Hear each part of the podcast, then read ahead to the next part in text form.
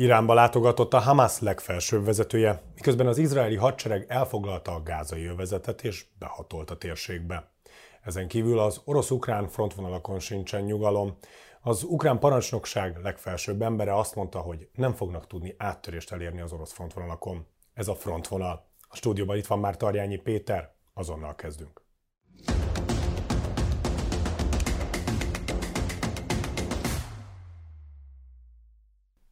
Szia Péter, köszöntelek itt a stúdióban ezen a héten is. Nem volt eseményektől mentes ez a hét. A Felkomban azt mondtam, hogy az izraeli hadsereg már bevonult a gázai övezetben, már most meg kell saját magamat követnem, mert ez igazából abban a szempontból igaz, hogy ott vannak, de hát ugye még elfoglalniuk a térséget teljes mértékben nem sikerült, hogyha jól tudjuk. Ez így van, és én is üdvözlök mindenkit. Igazán azt kell látnunk, hogy a gázai övezethez kapcsolódóan az elmúlt hetekben egy komoly felkészülés sem ment végig az izraeli haderő, amiben elsősorban azt próbálták eh, behatárolni, hogy a legfontosabb Izrael szempontjából, illetve a nyugat szempontjából, hogy hol vannak a túszok, és valamilyen úton módon beazonosítani az ő helyüket.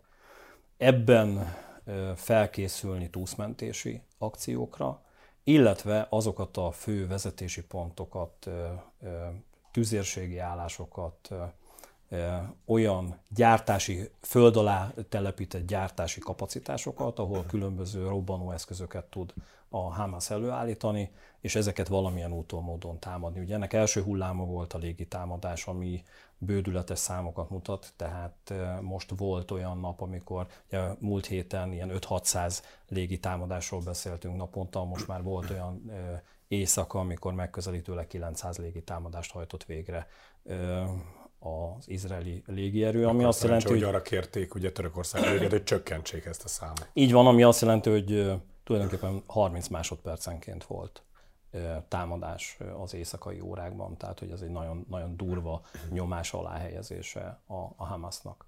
A gázai övezet egyes térségeibe bevonult Izrael. Az első, a hét első napjaiban, tehát az elmúlt hét első napjaiban hídfőállásokat épített ki, de most, hétfőn úgy néz ki, hogy a gázai övezetet ketté vágta az izraeli haderő. Van észak rész, illetve a déli rész. A déli részben hadműveleteket egyelőre nem akar végrehajtani, és továbbra is napi szinten biztosít egy-két órára olyan menekülési útvonalakat, amiben a gázai övezet északi részéből a menekültek délre tudnak menni. Nyilván ezt egyébként a Hamas egyrészt nem engedi, másrészt ki akarja használni, hogy azokat a terrorista vezetőket ki tudja menekíteni az északi térségből, akikhez kapcsolódóan őket fontosnak ítéli, illetve azt érzékelte és azt értékeli az eddigi támadások alapján, hogy nagy valószínűséggel beazonosították őket az izraeli hírszerzők, illetve terrorelhárítók, katonai hírszerzők, ami azt jelenti, hogy ezeknek az embereknek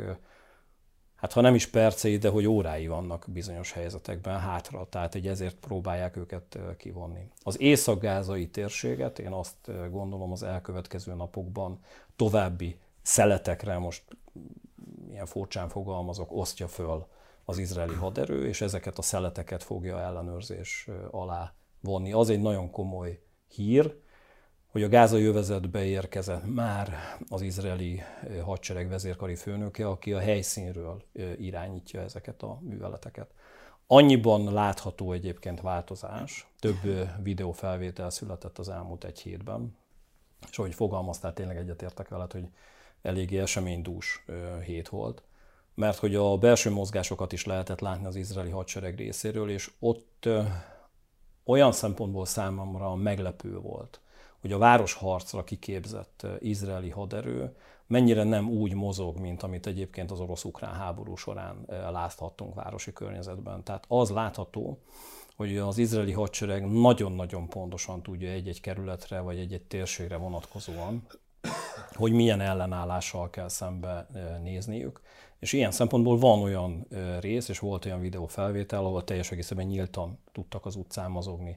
Ez néhány ezer kilométerrel északra, mondjuk az ukrán térségbe korán sem tudják végrehajtani, sem az oroszok, sem az ukránok, mert pillanatok alatt holtan vagy sebesülten rojnának össze. Én azt látom, hogy vegyes hadviselést hajt végre az izraeli haderő. A vegyes hadviselésnek azon részét most nem mondanám, hogy mit tesz a légierő és mit tesz az izraeli haditengerészet, de egyszerre hajtanak végre akciókat a föld alatt és a föld felett. Tehát amikor én arról beszéltem legutóbb, hogy, hogy leginkább első lépésben ez ketté bontva, tehát először a föld fölötti térségeket biztosítják, és utána mennek le így a föld alatti város részekbe, ezt abszolút ilyen hibrid megoldásban vegyesen kezeli a, az izraeli haderő. Egy nagyon fontos rész még emellett, hogy hát a támadásokhoz kapcsolódóan most több szám röppent föl a Hamas terrorszervezet oldaláról a túszok vonatkozásában, hogy 60-70 túszt megölt az izraeli hadsereg.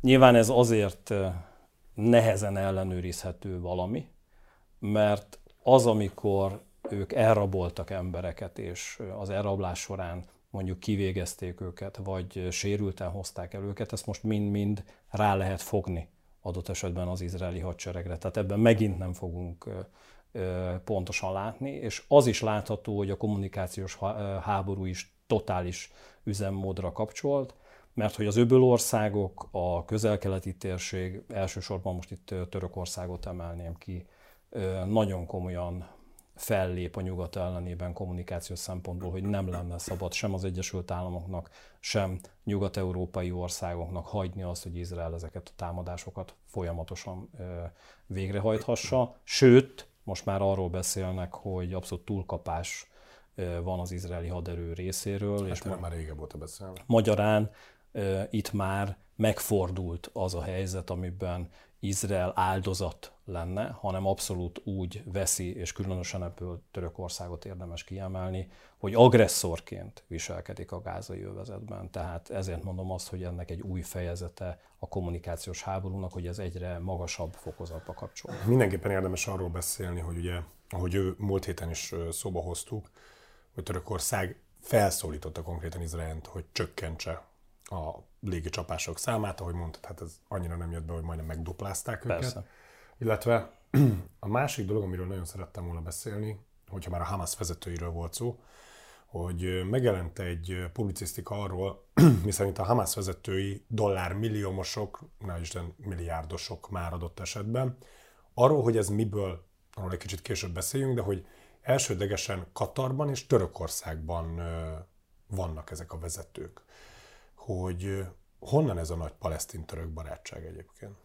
Egyrészt ugye ennek van egy vallási háttere, amiben most nagyon gyorsan így végig szaladva, igazán az iszlámnak két fő ága van, ugye a síta és szunita Igen. ág, és a palesztinok, és egyébként túlnyomó részében az iszlámban a szuniták vannak többségben. Törökország is szunita a vallási irányzatot képviseli, és viszi, követi, a palesztinok úgy szintén szuniták. Tehát egyrészt van egy ilyen fajta vallási együtt értés, vagy együtt rezgés, úgymond a két nép között.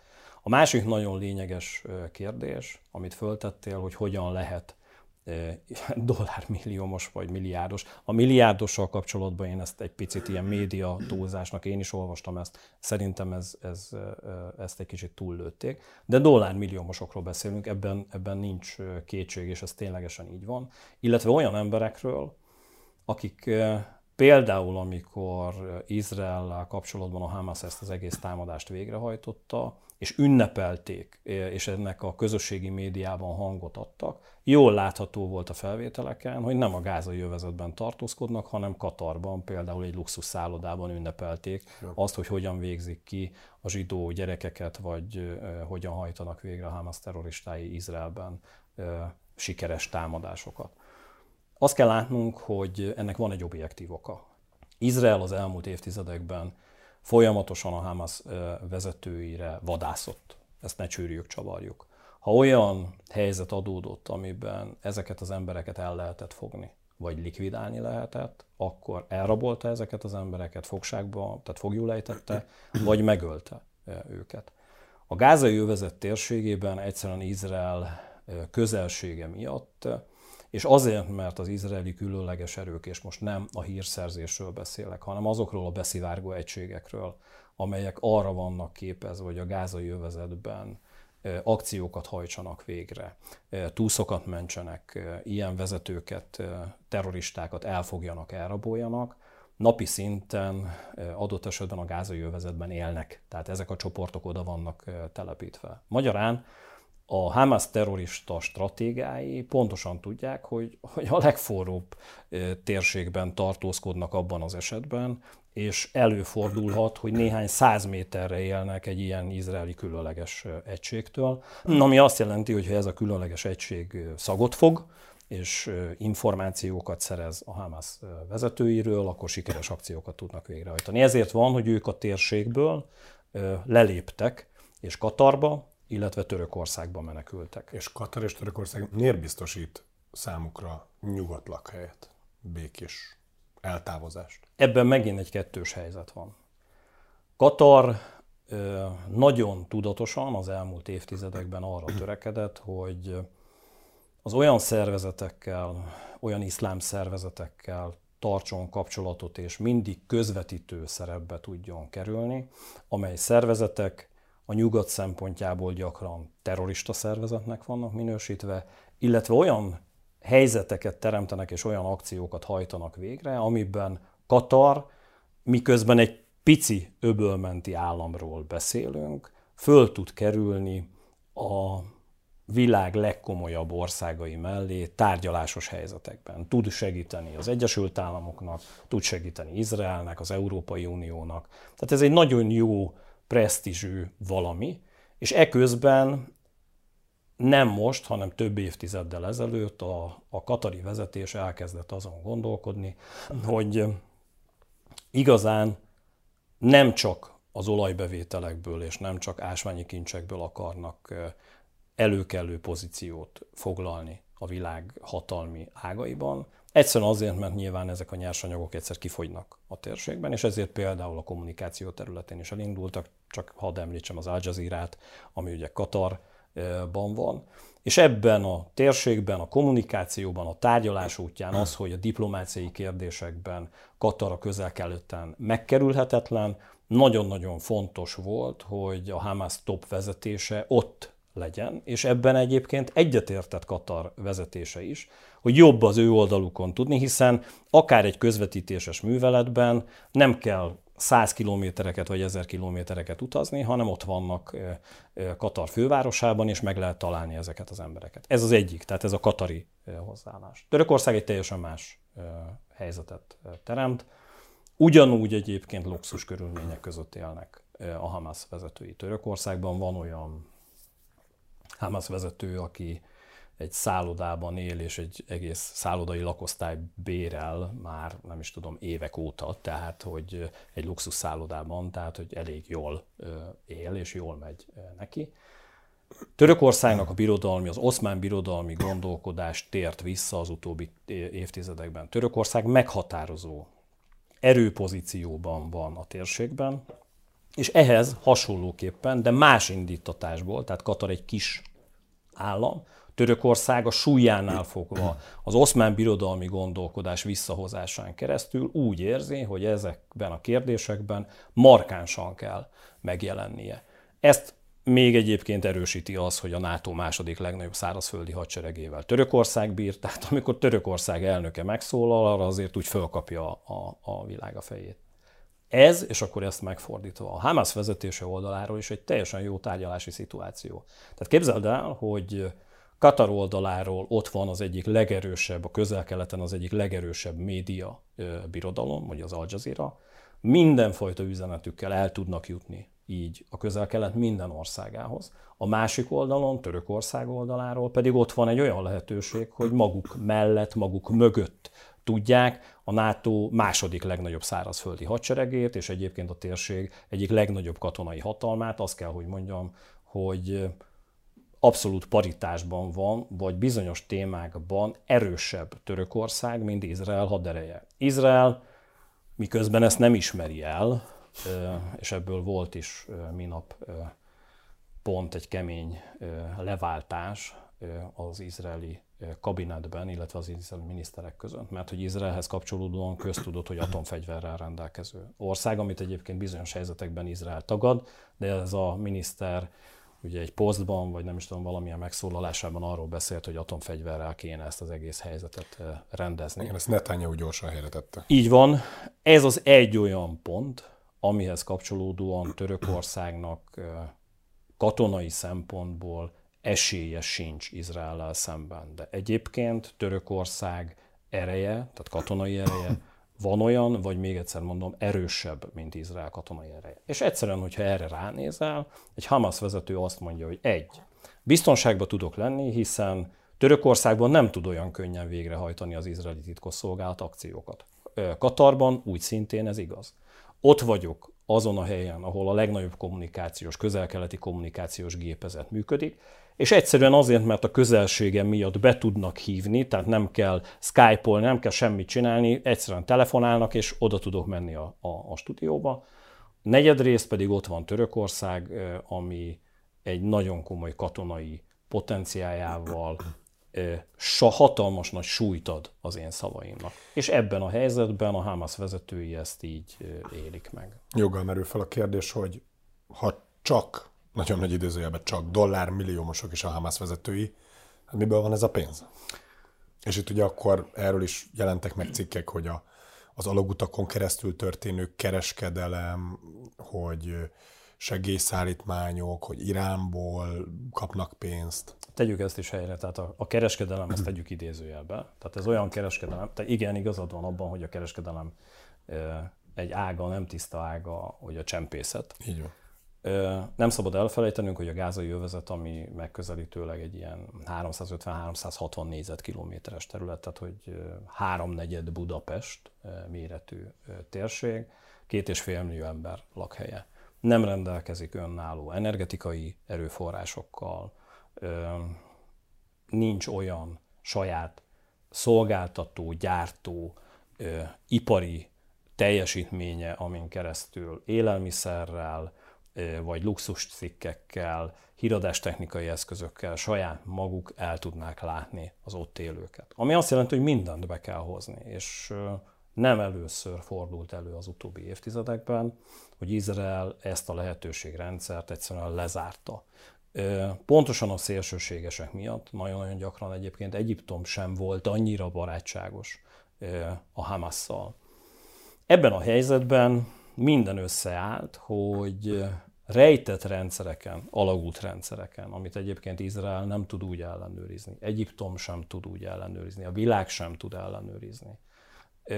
Ha ügyesen szervez valaki, és egyébként hozzátartozik a teljes térség, mert hogy a Hamas az, ami önkormányzati szempontból ezt a várost vagy ezt az övezetet irányítja, összefog és azt mondja, hogy megszervezzük a lakosságnak az ellátását, de ezért pénzt kérünk. Nagyon sok olyan szolgáltatás van, amit egyébként például Izrael oldaláról ingyen, vagy majdnem ingyen kap a gázai övezet. Ezt egyébként a Hamas terrorista vezetői pénzért adják az ott élőknek. Az ott lényegében, élő... lényegében közvetve, de Izrael termel pénzt a Hamasnak. Így van, azon keresztül, hogy a Hamas vezetői kihasználják ezt a helyzetet, kihasználják azt, hogy ezek az emberek, akik ott élnek, rájuk vannak utalva, és ezeknek az embereknek az energiaellátáshoz, most beszéljünk csak erről, fizetniük kell. Ezek a pénzek a terrorszervezet finanszírozására mennek állítólag, de ennek nagyon komoly része nem a terrorszervezethez jut, hanem a vezetőkhöz, és azoknak a vezetőknek, például, akit előbb említettem, akik Törökországban él egy luxus szállodában, a szállodai költségeit fizetik ebből. Ez az egyik rész.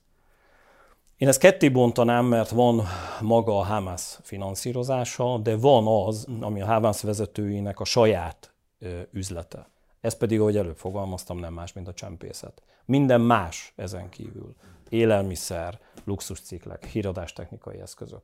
Minden, ami a térségbe jut, rajtuk keresztül megy. Nyilván az ő kereskedelmi hálózatukon, az ő cégeiken keresztül, ők azok, akik irányítják a föld alatti városban a kereskedelmi utak, hogyha a te szavaiddal élve, és ezt elfogadjuk az én szavaimmal, csempész útvonalak felügyeletét és irányítását, és ezért a gázaiak megint csak fizetnek. Tehát innentől kezdve van egy olyan terrorszervezet, ami rátelepedett valójában 2,3-2,5 millió emberre, és a 2,3-2,5 millió ember nem tud más csinálni, mint hogy fizet mindenért ezeknek az embereknek, és ezeknek az embereknek az irányítása alatt egyrészt a Hamas végre tud hajtani akciókat, hiszen ezt finanszírozza, ez a ottani népesség, másrészt a Hamas vezetői gazdagodnak ezen a helyzeten. Ugye azzal kezdtem a felkonferálást, hogy Iránba látogatott a Hamas legfelsőbb Igen. vezetője, és ugye korábban is többször beszéltünk arról, hogy Iránnak milyen szerepe van ebben az egész háborúban, és hát kis túlzása szinte biztos, hogy, hogy Iránnak abszolút érdeke volt, hogy ez most történjen meg ez az akció, és hogy erősen finanszírozóként lép fel a Hamas mögött is.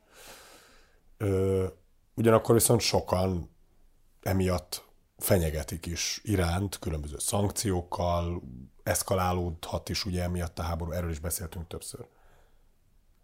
Ez a gesztus, vagy ez a, az esemény, hogy a Hamas vezetője nyíltan Irán vezetőihez látogat, hát ez nem azt mutatja, hogy Iránt ez különösebben érdekli, hogy milyen véleménye van a világról. Én azt gondolom, hogy lehullott a lepel. Tehát az, amit mondasz, egyszerűen az derült ki, hogy minek fenntartani egy olyan fajta helyzetet, amiben valójában egyébként mindenki tudja azt, hogy a Hamas vezetése és az iráni politikai, katonai, vallási elit össze dolgozik, és mivel a világ erről nyíltan beszél, és ehhez kapcsolódóan vannak információk, egyszerűbb azt mondani, hogy igen, ezt felvállaljuk. És ez a felvállalás egyrészt nagyon komoly, már önmagában ez a találkozó, tehát az, hogy erről beszélgetünk, azt mutatja, hogy egyébként Irán nyíltan odaállt a Hamas mögé, és a Hamasnak ez kapóra jön. Tehát ebben a helyzetben ezzel a hírrel kapcsolatban már az izraeli hadseregnek foglalkozni kell egy olyan fajta forgatókönyvvel, ami esetlegesen arról szól, hogy a Hamas érdekében Irán katonai támadás sorozatot hajt végre. Libanon térségéből a Hezbollahon keresztül, de akár nyílt támadásra is számítani kell Iránból. Ez automatikusan erőforrás megoszláshoz vezet, hiszen az, amikor egy forgatókönyv készül erről, egy háborúban álló ország, Izraelről beszélek most, nem teheti meg azt, hogy azt mondja, hogy igen, elkészítünk erre nézve egy forgatókönyvet, és nem allokálunk erőforrásokat arra, hogy mi van abban az esetben, hogyha ez a forgatókönyv aktiválódik. Tényleg Irán támadást hajt végre. Erre erőforrásokat magyarán, katonákat, légvédelmi eszközöket, hírszerzési kapacitásokat, kommunikációs eszközöket, pénzügyi erőforrásokat, lőszerkészleteket, mindent félre kell rakni. És ez innentől kezdve hiányzik a gázai övezetből, hiányzik Dél-Libanon térségéből, tehát ugye a dél-libanoni, illetve az izraeli határól, és ez hasznos egyébként a Hamasnak. Irán oldaláról pedig egy olyan fajta erőpozíciót mutat, amiben kvázi meg tudja mutatni a világnak, hogy persze mondhatjátok azt, hogy megint szankciók alá kerülünk, de valójában maga a Hamas ismeri el, hogy van hatásunk rájuk, és ebben a kérdéskörben jobb, ha megkerestek bennünket, és elkezdtek velünk beszélgetni, mint sem erőt mutattok, mert egyébként erőforrásokkal rendelkezünk, nézzétek meg akár az orosz-ukrán háborút, hogy Oroszországnak milyen segítséget nyújtottak az, a, a drónjaink, milyen technikai felkészültséggel rendelkezünk. Örüljetek annak, hogyha ebbe a kérdésbe mi nem úgy foglalunk állást, hogy nyílt támadást hajtunk végre. És ahogy magyaráztam már többször, és szerintem a nézők értik ezt, a háborúnak több fokozata van. Senki nem akar valójában a háború legrosszabb és legsúlyosabb fokozatához eljutni, amikor megszűnik mindenfajta tárgyalás, és a felek ott gyilkolják egymást, ahol csak tudják. A felső fokozaton van küzdelem, vannak összecsapások, ebből egyébként Irán teljesen kimarad, tehát nekik ilyen szempontból kényelmes, hogy a gázai övezetben a Hamas vérzik, illetve civilek halnak, de egyébként erőpozíciójából föl tudják azt mutatni ezen az első szinten, hogy jobb, ha tárgyaltok velünk, jobb, ha odafigyeltek a kéréseinkre, amik majd később meg is érkeznek, és bizonyos szankciókban Másként kezdtek gondolkodni a nyugat oldaláról az Egyesült Államok, a nyugat-európai országok, vagy a teljes nyugat, és azokat a szankciós tiltásokat fel lehetne például lazítani. Tehát oda-vissza működik ez a kapcsolatrendszer, mind a két félnek hasznos. Hozzáteszem, hogy ez egy nagyon komoly önleleplezés is, mint a két fél részéről, mert így van, ahogy te fogalmaztál. Bő három héttel ezelőtt erről ilyen hipotetikus gondolatokkal beszélgettünk, ma már pedig tényként tudjuk, hogy ez a kapcsolat valójában egy élő kapcsolat, ami azt is jelenti egyébként, hogy Izrael ellen ebben a támadásban Irán komolyan részt vett, a felkészítésben segített a Hamasnak, fegyverekkel, kiképzéssel, és ilyen szempontból a támadásért és azért, hogy rengeteg izraeli civil meghalt, iránt felelősség terheli. Ukrajna főparancsnoka ugye lényegében elismerte azt, hogy, hogy nagyon messze vannak az elképzeléseiktől, és jelentősen rosszabbul halad a nyári hadjárat, ami most már bőven az ősz, sőt, egyre inkább megyünk a tél felé, mint ahogy őst tervezték. Lényegében napi 30 kilométert akartak haladni. Hát nyár elején, nyár igen, elején. ez volt az alapterv, igen. Igen, aztán most ott tartanak, hogy összesen haladtak. Hát annyit se. Annyit se. Tehát, Tehát amit egy nap alatt szerettek volna haladni, haladni, azt az elmúlt hónapok alatt nem érték Nem el. sikerült elérni, mert azt 27 kilométerig jutottak, vagy valahogy Igen. így. Ö, és de igazából nehéz azt eldönteni, mert azt nagyon-nagyon sokszor beszéljük kommunikációs szempontból, hogy ugye arról beszél a főparancsnok, hogy, hogy mindaddig nem is fognak tudni áttörést elérni, amíg nem a legfejlettebb technológiát adja át nekik a nyugat. Na most melletted azért azt már megtanultam, hogy, hogy akkor mond ilyet valaki, mert amúgy nem logikus, hogy miért mond ilyet egy főparancsnok, hogyha igazából ez egy ilyen nem is annyira bújtatott felszólítás vagy kérés, hogy már pedig adjátok ide. Komoly problémákkal küzd Ukrajna. Ez a probléma sor abból fakad, hogy a nyugat támogatásainak, és nem arról beszélek, amit kérnek, hanem amit a nyugat egyébként ígért, és azt mondta, hogy odaadott komoly része, több 10 százalék, tehát én azt mondom, hogy egy, egy harmada, 40 százaléka még mindig nem érkezett meg Ukrajnába.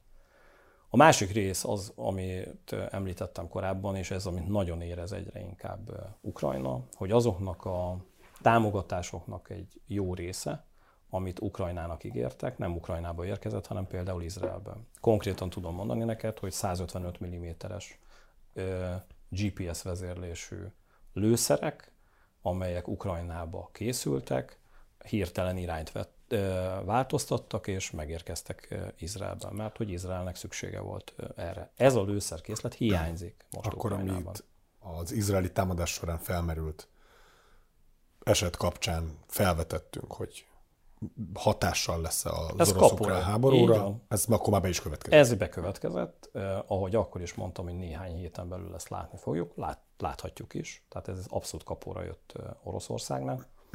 És ilyen szempontból több olyan téma eh, látott napvilágot eh, az ukrán hadvezetés és az ukrán hírszerzés oldaláról, amit eddig nem ismertünk, ilyen nyilatkozatok kapcsán, amiben az ukrán hadvezetés vázolta, hogy hol vannak hiányosságok.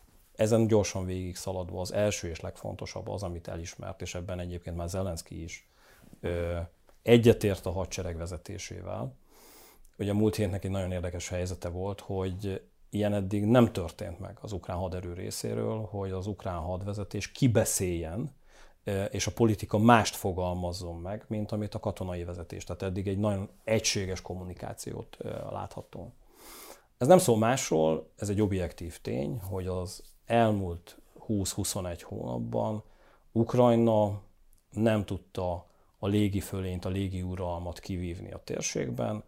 A légi uralom Oroszország részéről sincs meg, de a légi fölény igen. Tehát igazán az ukrán lég, légtérben védekezni képes Ukrajna, és egyre kisebb mértékben, mert hogy a légi erejének lassan a végére ér, és miközben ezt Oroszország már tavaly év azt mondta, hogy megsemmisítette az ukrán légierőt. Ez nem volt igaz, de azért az elmúlt hónapokban ehhez egyre inkább közel került Ukrajna. Vagy bocsánat, Oroszország, tehát ez a, a, a sikerhez, és Ukrajna pedig ahhoz, hogy elveszítse ezt.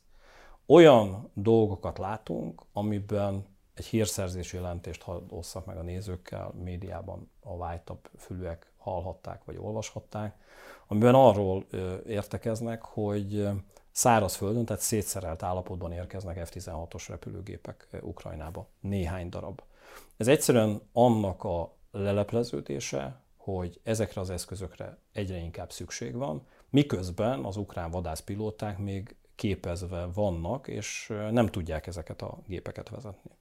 Igazán az elkövetkező időszakban Ukrajnának ez azért kritikus, mert hogyha az orosz légvédelem visszaerősödik. Az elmúlt hetekben nagyon komolyan ezt rombolta Ukrajna, sikeresen az új eszközökkel, tehát több száz kilométer hatótávolsággal bíró nyugati robotrepülőgépekkel, cérkáló rakétákkal. Ha az orosz légvédelem visszaerősödik, az az igazság, hogy lehet oda küldeni a legkorszerűbb nyugati technológiát, az orosz légvédelem képes lesz hatékonyan ezek ellen föllépni. Tehát most van egy ilyen kritikus pont.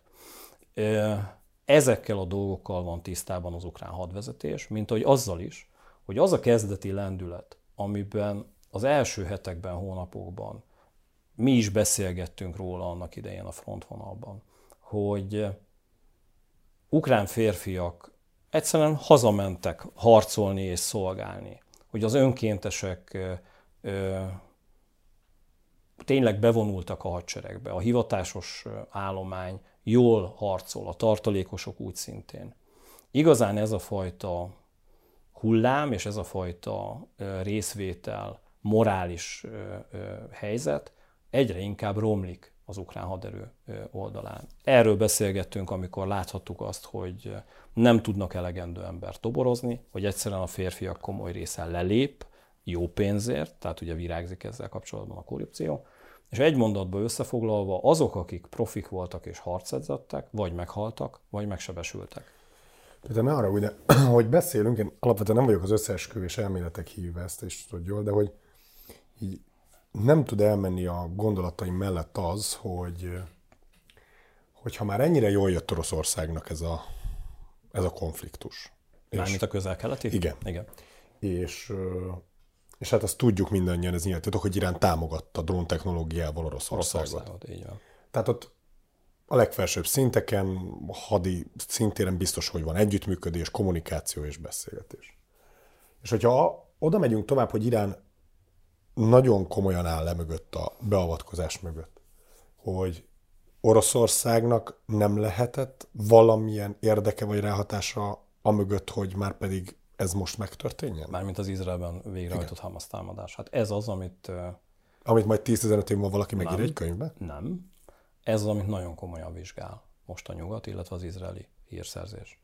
Több olyan szál van. Akkor nem csak az én fejembe született Nem, dehogy is. Nem, nem, nem, nem, nem. Tehát több olyan szál van, például a fegyverek tekintetében, ahol orosz fegyvereket nem lehet találni annyira, iráni fegyvert annál többet, észak-koreai fegyvert még inkább, aminek kapcsán teljes joggal teszik fel a nyugati hírszerzési szakemberek azt a kérdést, hogy ezt hogy a túróba tudta összehozni a Hamas. Hogy van az, hogy ezek az eszközök rejtetten megérkeztek a gázai övezetbe. És a kriminalisztika alapkérdését teszi föl mindenki, első órák, tehát a támadás követő első órákban már, hogy kinek állt érdekébe ez az egész helyzet.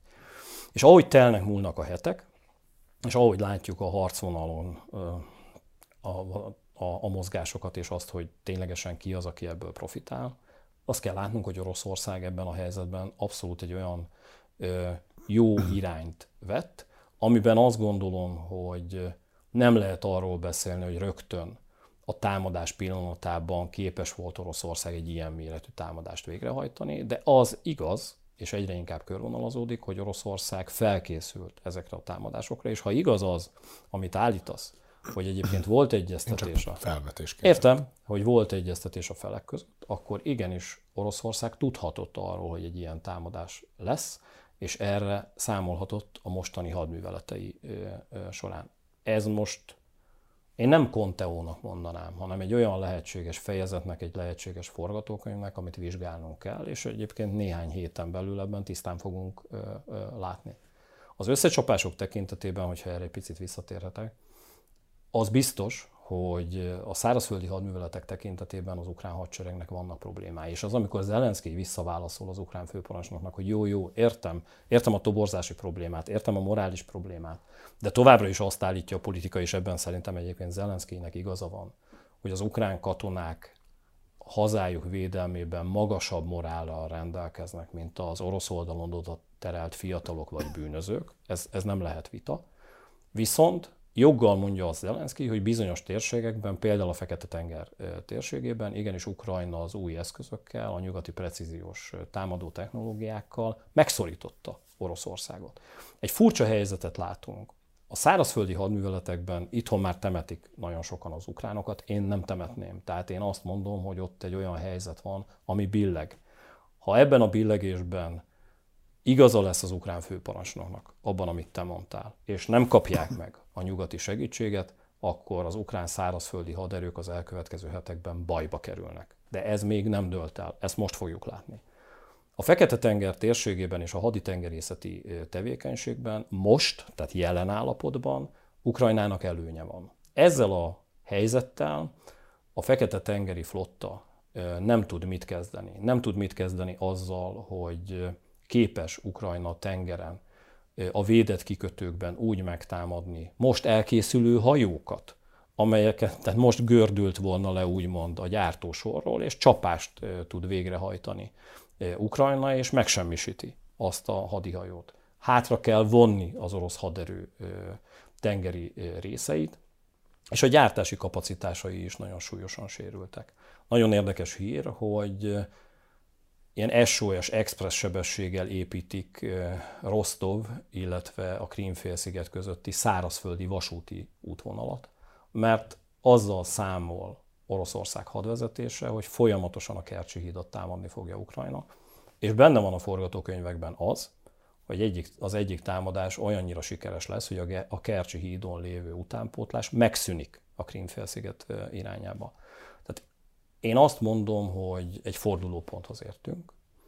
Véleményem szerint azok a szárazföldi hadműveletek az időjárás miatt lassulni és leállni fognak, amit eddig láttunk, de egyébként a fegyveres összecsapás, ami tengeren irányított robotrepülőgépekkel, cirkáló lakétákkal, szárazföldön és tengeren, illetve a légi erők összecsapása és légvédelmi rendszerek párharca az elkövetkező hónapokban nagyon komolyan föl fog pörögni, és ez a jövő évet meghatározza, bizonyos szempontból lehet, hogy el is dönti.